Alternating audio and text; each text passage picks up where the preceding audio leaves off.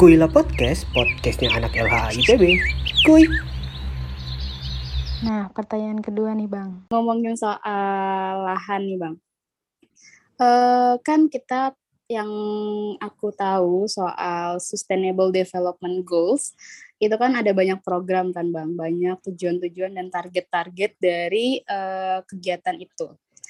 Nah, uh, apakah uh, hutan ini tuh punya peran dalam salah satu pilarnya.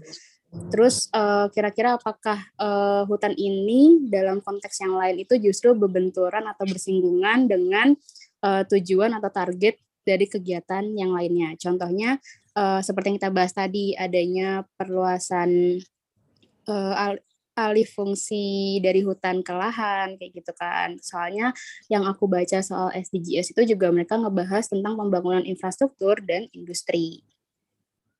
Udah. Udah. Narasinya panjang ya. Emang nih agak belibet. Oke, sebenarnya kalau seumpamanya uh, bicara masalah bentrok sama tidaknya ketika ada alih fungsi lahan, uh, sepemahaman saya uh, segala aturan yang uh, ada di Indonesia terkait uh, pertambangan ataupun perkebunan monokultur mereka juga sudah mulai menerapkan uh, SDGs ini terutama tidak seluruh uh, kawasan yang mereka mendapat uh, seluruh kawasan yang diberikan izin itu mereka harus manfaatkan. Tapi ada beberapa kawasan yang memang harus tetap dipertahankan untuk tetap menjaga fungsi dari si SDGs ini. Akan tetapi kita kembali lagi karena tadi uh, manusia berpikirnya memanfaatkan dengan seluas-luasnya karena berbicara tentang uh, pendapatan dan lain sebagainya. Terkadang ada beberapa uh, pebisnis ataupun perusahaan yang menyampingkan hal tersebut. Padahal sebenarnya aturannya itu sudah diterangkan baik dari segi uh, perusahaan monokultur dan lain uh, kalau di pertambangan uh, kalau di perkebunan itu agriculture itu ada yang namanya HCV high conservation value terus ada juga di uh, pertambangan biasanya untuk mendapatkan proper nah sebenarnya itu sudah diatur untuk uh, pembangunan ataupun pemanfaatan secara lestari sudah diatur akan tetapi tetap pada pelaksanaannya memang masih belum maksimal seperti itu. Nah, kalau untuk masalah kelestarian hutan yang perlu dijaga tadi, sudah pasti sih jawabannya perlu banget karena sampai detik ini uh, hidup manusia itu tidak pernah terlepas dari yang namanya kawasan hutan ataupun lingkungan hidup. Mungkin itu Kak dia. Insight-nya mantap. um, berarti kegiatan setiap kegiatan itu sebenarnya uh, sudah diatur dengan baik ya Bang ya. Ada peraturannya, ada syaratnya, ada porsinya masing-masing lah gitu. Cuman tinggal gimana sifat manusia itu sendiri ya. Betul. Uh, terus kalau misalkan nih Bang, kan tadi lahannya sudah dialihfungsikan. Suatu hari pasti kan um, lahan tersebut nggak akan selamanya jadi lahan kan Bang. Nah itu gimana cara kita menghadapi dampak negatifnya atau mungkin cara mengatasi setelah si lahan ini kita gunakan. Oke, okay. sebenarnya uh, untuk mengantisip uh, untuk uh, jawaban dari pertanyaan itu sebenarnya sudah dituangkan juga ya. Kalau dalam peraturan di uh, negara kita, kalau seumpamanya setiap lahan yang sudah dimanfaatkan itu harus dikembalikan kepada fungsi awalnya. Contoh di pertambangan ya. Makanya di pertambangan itu ada yang namanya rehabilitasi lahan, terus di lahan konservasi juga ada beberapa uh, di lahan uh, agriculture juga ada beberapa kawasan-kawasan yang memang disebut dengan high conservation value yang harus tetap dijaga uh, bahkan ketika dia uh, kekurangan berubah dari fungsi uh, asalnya itu kita harus mengembalikan si fungsinya seperti itu dia. Berarti kalau nggak dikembalikan kena pidana ya bang ya? Seharusnya. Baik terima kasih. Terima kasih atas validasinya. Harusnya memang sudah di uh, itu dampaknya ketika tidak dilakukan itu izin usahanya bisa dicabut ataupun bahkan ke uh, pidanakan. Hmm, begitu. Paham, paham. Nah, uh, ngelihat dari kondisi hutan sekarang nih Bang, kira-kira eksistensi hutan 10 sampai 20 tahun yang akan datang tuh gimana Bang? Masih tersedia nggak mereka untuk memenuhi kebutuhan oksigen masyarakat kita, masyarakat Indonesia, terus juga uh, kebutuhan-kebutuhan lainnya gitu. Karena kita berkaca gitu kan dari negara-negara lain tuh kemarin sempat ada isu bahwa udara segar itu udah mulai di jual belikan sebagai barang gitu kan. Oke, sebenarnya gimana ya kalau untuk bicara untuk 20 tahun 10 atau 20 tahun ke depan saya sendiri pun sebenarnya bertanya ukuran sesuatu hal ini itu dikatakan sudah sustain, sudah cukup atau belum cukup itu seperti apa? Karena uh, kita ambil contoh aja ya. Manusia perbedaan antara manusia dengan uh, orang hutan. Eh, gajah sama orang hutan. Gajah kan dia uh, dari segi uh, bentuk atau ukuran tubuhnya itu besar. Dan gajah itu cenderung berkelompok, ya kan? Kalau seumpamanya si gajahnya ini dalam satu kelompok ada sekitar 30 sampai 50. Kira-kira lahan satu hektar atau lahan 100 hektar cukup nggak dengan kondisinya mereka? Nah, itu sebenarnya yang belum bisa dijawab pertanyaannya karena kita nggak tahu ukuran pasti bisa dikatakan dia lestari itu seperti apa.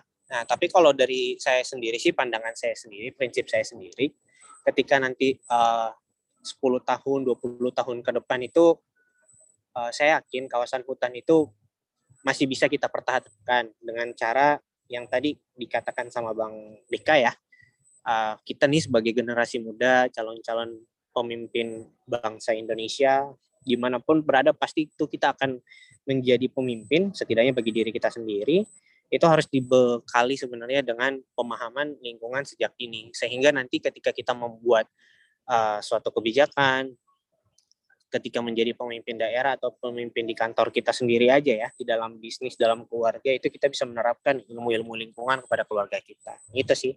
Saya sih masih optimis ya kawasan kehutanan akan eh kawasan hutan itu masih bakalan ada dengan uh, kalau dilihat kesadaran masyarakat sampai sejauh ini udah mulai banyak yang sadar ya. Uh, mulai dari uh, berbagai kalangan.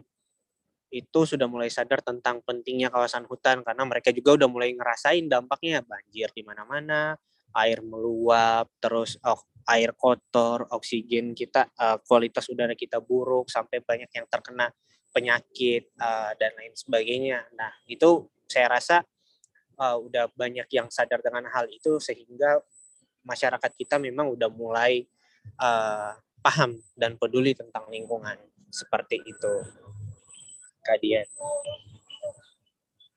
Hmm, paham bang. Paham-paham aja ya.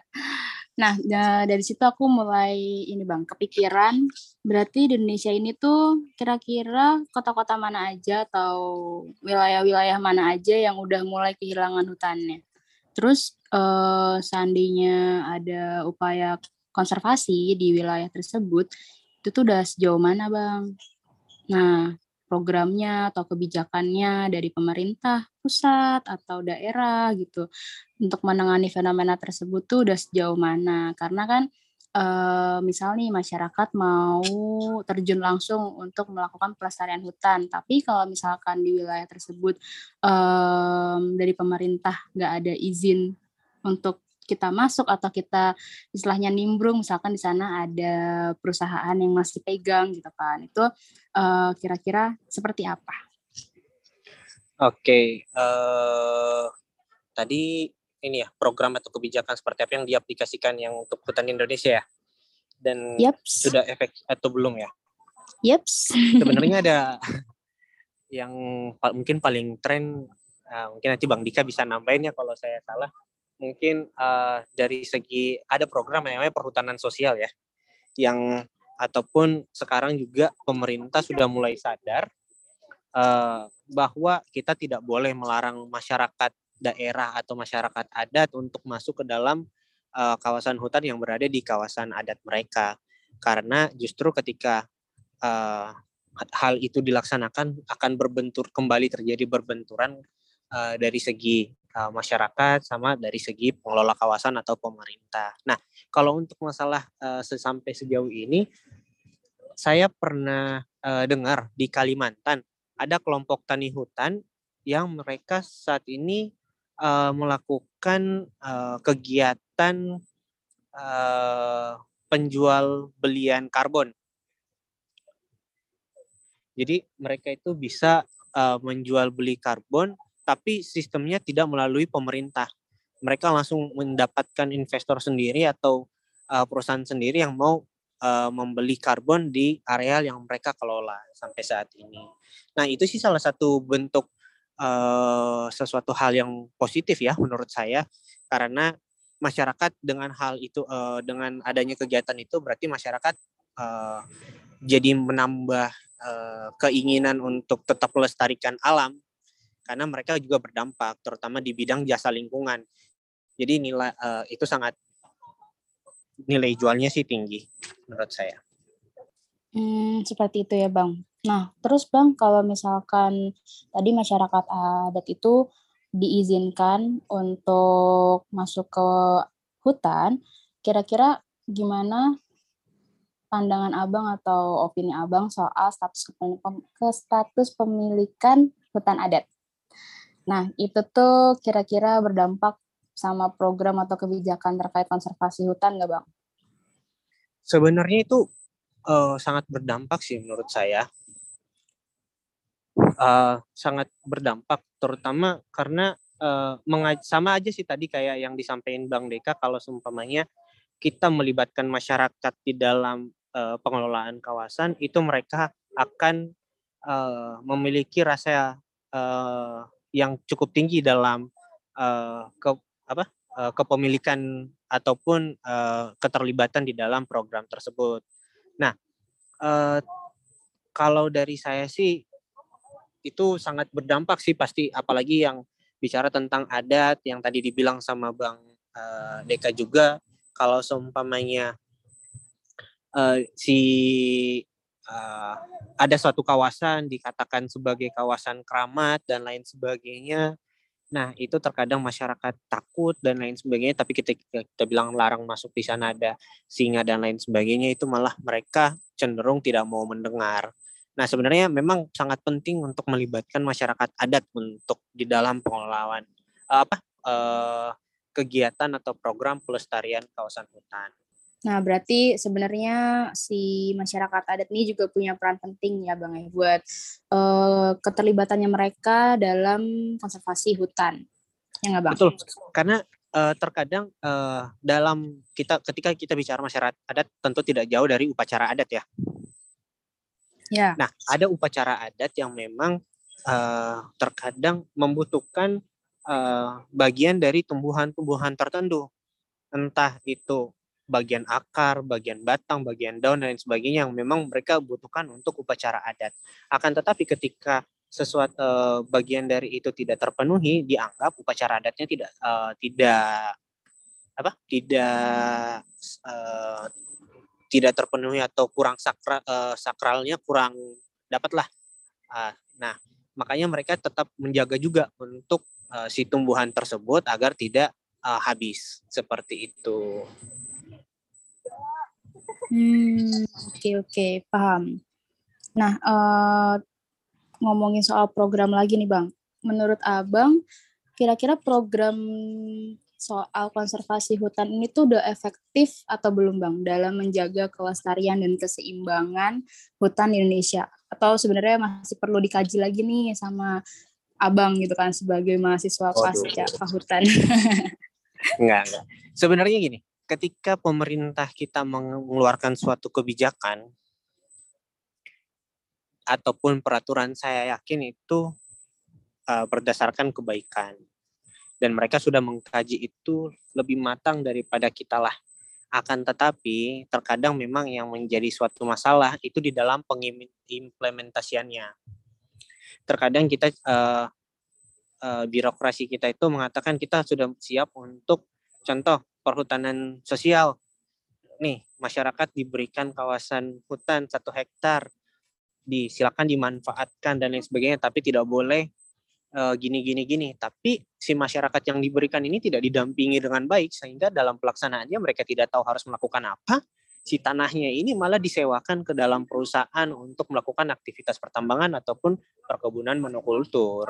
Jadi sebenarnya yang menurut saya pribadi itu yang memang agak kurang ini tuh dari segi pendampingan masyarakat karena kita ketahui bersama masyarakat Indonesia ini masyarakat di Indonesia ini terlalu kreatif ya dalam mencari celah gitu kan. Pokoknya kita itu terlalu kreatif bahkan untuk memanfaatkan sesuatu yang dilarang yang harusnya dari segi pemerintah itu harus mendampingi masyarakat. Nah, salah satunya tadi mungkin yang disampaikan sama Bang Deka juga, uh, Bang Deka juga sampaikan terkait biodiversity warrior ya, yang memanfaatkan anggota uh, apa uh, dengan melihat potensi dari generasi muda untuk uh, menjadi agen untuk uh, penyampaian masalah konservasi, implementasi masalah konservasi, bahkan juga sebagai agen untuk konservasi itu sendiri. Gitu sih Kak Dian. Hmm, oke okay, Bang. Lumayan ruwet ya Bang ya soal soalnya ini menyangkut banyak pihak gitu. Nggak cuma nih pemerintah bisa pemerintah ngeluarin peraturan tapi uh, kalau masyarakatnya banyak yang hobi memacu adrenalin mencari celah-celah tuh juga jadi PR sendiri kan.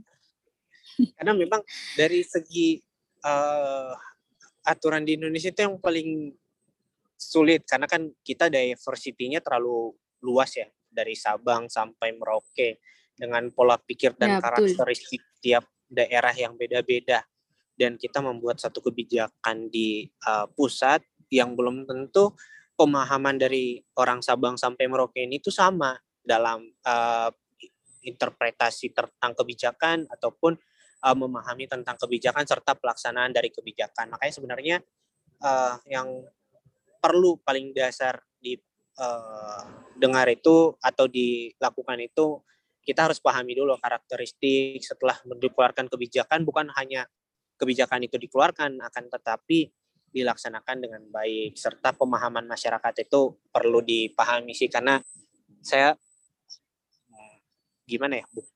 Ketika kita bicara masalah kinerja pemerintah kinerja pemerintah kita memang sini banyak banget. Dari satu kementerian aja itu bisa ngurusin satwa eh, lingkungan hidup terus uh, mangrove, eh, kawasan eko ekosistem dan lain sebagainya, tapi hal eh, hal-hal tersebut masih kurang mendalam dari segi uh, pendampingan masyarakat di lapangan. Seperti Berarti perlu ini ya bang, perlu sosialisasi lagi, rutin penyuluhan, membina masyarakat gitu. Kalau penyuluhan sih menurut saya udah nggak ini langsung action bersama masyarakat di lapangan sih. Hmm. Jadi kayak learning by doing sih, tapi bukan ninggalin ketika datang uh, ini ada program terus setelah itu programnya selesai, mereka sudah membuat laporan atau siapa pun itu ya sudah selesai programnya, setelah itu ditinggalkan. Sama mungkin nanti kita harus lahirkan generasi-generasi yang paham sih terkait sosial dan ecological justice anjay. Bahasa Inggris ya. Padahal nggak tahu bahasa Inggris kayak familiar tuh kata-kata. ngopas dikit nggak apa-apa kali. Kayak ada di proposal apa gitu. Oh, waduh. Mungkin gitu kan ya. Oke. Okay. Oke okay, bang, oke. Okay. Uh, eh, Sebenarnya aku tuh ini pertanyaan yang simple sih bang, tapi emang agak ya menggambarkan uh, cakupan otak aku lah. Cuman seseon soalnya nih otaknya. aku tuh penasaran sebenarnya hutan itu punya kriteria yang baik atau ideal nggak sih bang? Kayak harus gimana harus gimana gitu. Hutan itu punya kriteria yang baik.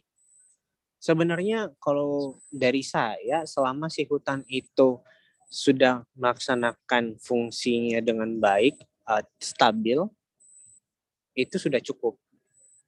Kalau kita bicara tentang uh, kriteria hutan yang baik harus ada uh, luasnya sekian sekian sekian terus uh, isi di dalamnya harus ada ini ini ini ini itu agak sulit. Jadi kalau bicara tentang kriteria hutan yang baik itu kalau menurut saya uh, kawasan hutan yang memang uh, fungsi dari kawasan tersebut berjalan dengan baik sebagai uh, penyedia jasa lingkungan baik air, udara, uh, terus di dalamnya juga terdapat komponen uh, satwa liar, biotik dan abiotik yang memang berfungsi secara tidak langsung kepada manusia, bukan bicara yang dampak langsung ya, tapi yang tidak langsung. Gitu. Mungkin nanti bisa ditambahin sama Bang Deka sih, soalnya uh, kalau pemahamanku sendiri untuk fungsi kawasan ataupun kriteria dari kawasan hutan ini aku belum paling kalau dari segi aturan ya dari bicaranya tentang luasan ya. Hal itu bisa dikatakan hutan kalau semua luasannya seberapa seberapa. Tapi ketika bicara tentang kriteria dia baik atau tidak sepertinya belum mungkin ada ya aku ya aku yang belum paham eh, belum dapat informasinya. Tapi kalau menurutku ketika dia sudah uh, menjalankan uh, hutan itu sudah terdapat fungsi kawasannya dan baik sebagai penyedia jasa lingkungan itu udah cukup sih sudah bisa dikatakan baik. Hmm, gitu. Oke, paham. DT paham. nah, sebenarnya pertanyaan aku udah habis sih, Bang. Cuman ini ada pertanyaan titipan dari teman LHA yang kebetulan lagi belum bisa gabung di podcast hari ini tanya soal green politik, Bang. Pertanyaannya itu simpel. Gimana sudut pandang Abang sebagai sivitas akademika menanggapi wujud dari green politics yang ada? Gimana, Bang? Agak susah nih kayaknya. Ini sih sebenarnya yang karena green politik itu agak sedikit berbeda sama sustainability ya, kalau saya nggak salah ya green politik itu kalau uh, nggak salah green politik itu terfokus ke uh, keseimbangan ya sedangkan uh, sustainability itu pembangunan yang berkelanjutan nah ini sih sebenarnya yang menjadi uh, agak ada sedikit berbeda di segi pembangunan sama uh, keseimbangannya. Nah, kalau green politik sebenarnya bagusnya karena segala sesuatunya tetap harus berdasarkan keseimbangan dulu. Tapi kalau semuanya sustainability berlangsungnya ke uh, keberla keber uh, kelestarian dan keberlanjutan. Nah, kalau menurut saya sih green politik ba, bisa coba diterapkan di Indonesia kan tetapi memang ketika kita berbicara tentang uh, kebutuhan masyarakat Indonesia yang terus meningkat itu akan sedikit sulit. Tapi gimana ya agak bingung juga sih. Ngejawabnya saya takut malah menjerumuskan ke pemahaman yang berbeda juga Kak Dian nggak apa-apa bang. Jawab aja. Ntar kalau nggak sesuai kita akan. Ya udah nanti kita take ulang aja kalau gitu. Oke. Aduh, tapi sampai sekarang uh, kalau saya sendiri sih tetap berpegang uh, ke secara konsep green politik itu bagus. Akan tetapi ketika berbicara tentang kebutuhan manusia juga dan lain sebagainya itu uh, agak sulit juga sih. Berarti uh, ini tuh konsepnya udah oke, okay, tapi untuk pengimplementasiannya belum uh, bisa atau mungkin perlu dibahas atau dikaji lagi di Indonesia gitu bang? Iya, karena gini, ketika kita bicara tentang green politik, ini kan bicaranya tentang politik uh, green politik secara global ya. Sedangkan negara negara negara eh kalau kita bahas internasional boleh sih? Soalnya kan negara-negara luas yang eh negara-negara luar yang memang sudah negara maju itu banyak menuntut negara-negara berkembang untuk mempertahankan uh, kawasan hutan mereka dengan alih untuk uh, mempertahankan uh, keseimbangan akan tetapi tidak ada dampak dari uh, negara luar kepada negara yang negara maju ini terhadap negara berkembang hanya sebatas perjanjian politik dan lain sebagainya sementara uh, kita berbicara tentang uh, kebutuhan uh, masyarakat suatu negara itu terus terus bertambah dengan sering bertambahnya juga populasi manusia di negara-negara yang berkembang. Nah, tapi kalau menurut uh, saya pribadi green politik itu memang baik. Cuman pengaplikasian di Indonesia ini masih belum bisa dilaksanakan dengan baik dan memang masih belum bisa. Tapi kalau dari segi regulasi memang sudah mengarah ke sana akan tetapi implementasinya yang masih belum. Mungkin gitu, Kak. Hmm, oke okay, oke. Okay. Mantap, Abang. Udah Bang, gitu aja pertanyaan dari dari kita-kita soal hutan, konservasi hutan. Uh, berarti intinya konservasi hutan itu sebenarnya tanggung jawab kita bersama, nggak cuma tanggung jawab pemerintah dalam membuat program atau membuat regulasi, kebijakan kayak gitu, tapi jadi tanggung jawab kita semua. Ya nggak Bang? Enggak sih tanggung jawab pemerintah soalnya kita udah bayar pajak. Heh bercanda deh. Bercanda bercanda bercanda. Yang ini nggak akan jawab. ini loh. Ki ki yang ini jangan di cut ya ki ya. Kalau perlu dijadiin ini dijadiin openingnya. Jangan jangan jangan jangan. Jangan maksudnya ya itu semua tanggung jawab kita lah.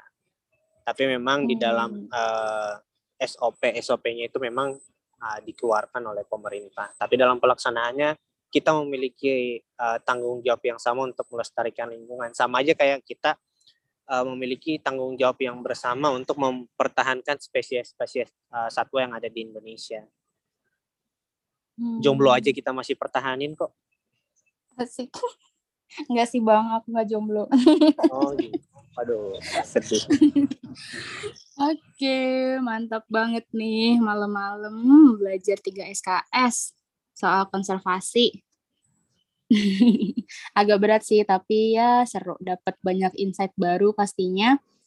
Uh, Oke, okay, aku mungkin karena udah malam juga nih, udah mau mendekati jam bobo asik.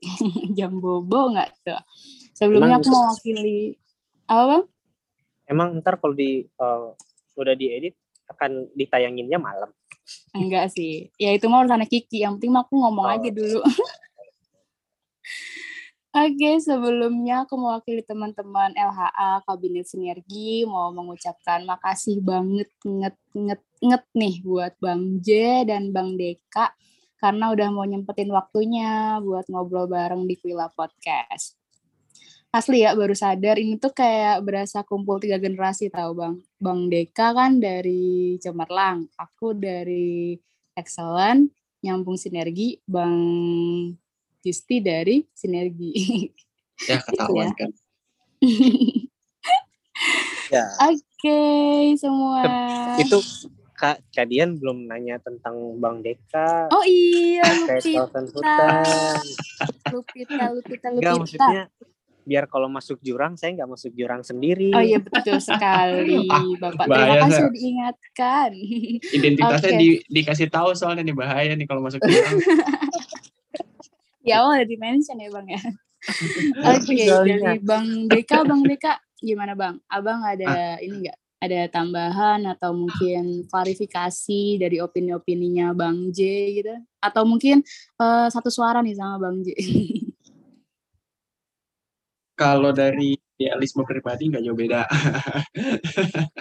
Tapi kalau kita bicara dari segi netralnya, uh, tetaplah maksudnya uh, kerjasama semuanya itu harus jalan barengan gitu kak. Nggak bisa kita bilang gara doang kitanya doang yang gerak NGO aja yang gerak itu semua harus barengan.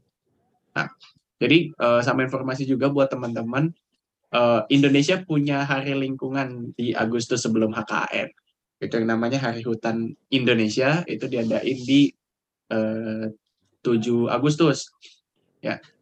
Jadi uh, di bulan Agustus ini sebelum Hari Konservasi Alam Nasional di tanggal 7 Agustus itu ada Hari Hutan Indonesia yang bisa eh, teman-teman cari bahkan sudah ada Instagramnya sendiri kegiatan-kegiatan dari anggota-anggota konsorsium di Hari Hutan Indonesia itu sendiri di bulan Agustus gitu. Dan sudah berjalan dari tahun lalu kalau nggak salah untuk terkait dengan hutan kita benar-benar dekat tuh ya Hari Hutan Indonesia sama Hari Konservasi Alam Nasional. Dan hutan itu penting yang pasti dan uh, dengan adanya perhutanan sosial sebetulnya itu sangat membantu banget uh, pelestarian. Memang masih ada pro kontra dan ada kendala-kendala pelaksanaannya tapi tetap harus dijalani. Oke bang, mantap lengkapannya. Pelengkap yang mantap banget dari Bang Deka. Uh, Oke, okay, berarti ini udah ya Bang ya, Bang J ya Bang. Udah impas ya Bang ya. Oke, okay, uh, berarti karena Bang Deka sudah menambahkan opini untuk segmennya Bang J, uh, ini udah waktunya buat closingan juga. Jadi aku mewakili teman-teman LHA ngucapin terima kasih banyak buat Bang J dan Bang Deka karena udah mau nyempetin waktunya. Makasih ya Bang, makasih Bang J, Bang Deka. Uh, oh ya, uh, karena ini kita podcast dalam rangka Hari Konservasi Nasional, kira-kira ada nggak nih closing statement dari Bang J dan Bang Deka seputar konservasi nasional gitu atau mungkin pesan untuk generasi muda di Hari Konservasi Nasional ini gitu Bang. Dari Bang J dulu mungkin ya. Nah, sorry tadi ada kendaraan. Jadi kalau saya sendiri sih uh, closing statementnya ya uh, sekarang udah bukan zaman kita lomba-lomba menjadi yang terbaik sih.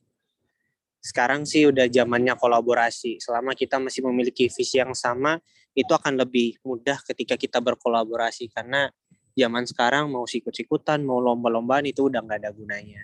Sekalipun juga kita cuma dapat pengakuan setelah itu udah nggak ada. Tapi ketika kita bisa berkolaborasi bersama eh, kawan-kawan di dari tiap daerah, pemuda-pemuda lintas generasi dan lain sebagainya, saya yakin kita bisa bersama-sama untuk memajukan kehutanan Indonesia. Anjay. Kenapa ada anjaynya sih, Bang? Bang. Tadi mau bilang jangan lupa bahagia dan tidur nyenyak. Oke, okay, next Bang Deka, gimana Bang? Ada closing statement buat para pemuda di Hari Konservasi Nasional ini? Oke, okay. ya sih pesan untuk para pemuda, eh, jangan berhenti untuk inovasi dan berkreasi, utamanya dalam bidang konservasi. Mana ya kalau bahasanya anak mahasiswa tuh muda itu agent of change, jadi itu harus uh, dijalankan bagaimana pemuda ini nanti yang punya peran dalam uh, menjaga kelestarian alam di Indonesia itu sendiri. Pakai anjay dong bang juga. Wah anjay, biar kayak anak muda banget ya. Aduh ya ketahuan dong bang. Asal nggak selebel pak. Aduh selebel. Ngikutin ini juga ya, Fashion Week juga ya. Aduh. Oke, nggak berasa nih udah malam juga kita podcast nih udah sehari semalam nih sebenarnya podcastnya nggak bercanda. Udah banyak banget yang kita obrolin ternyata tanpa sadar nih udah mulai aus nih bang, saking serunya ngobrol ya kan, sampai aus.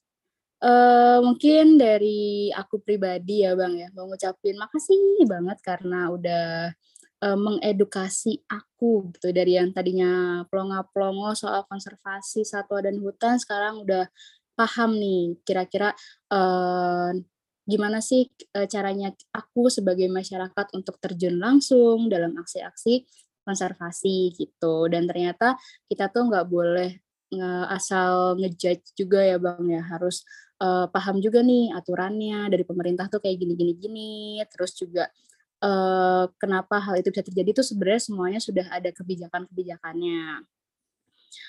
Oke, jadi intinya kita hidup di dunia ini tuh saling terhubung dengan makhluk hidup yang Tuhan ciptakan. Jadi saling menjaga itu perlu banget. Ya nggak bang?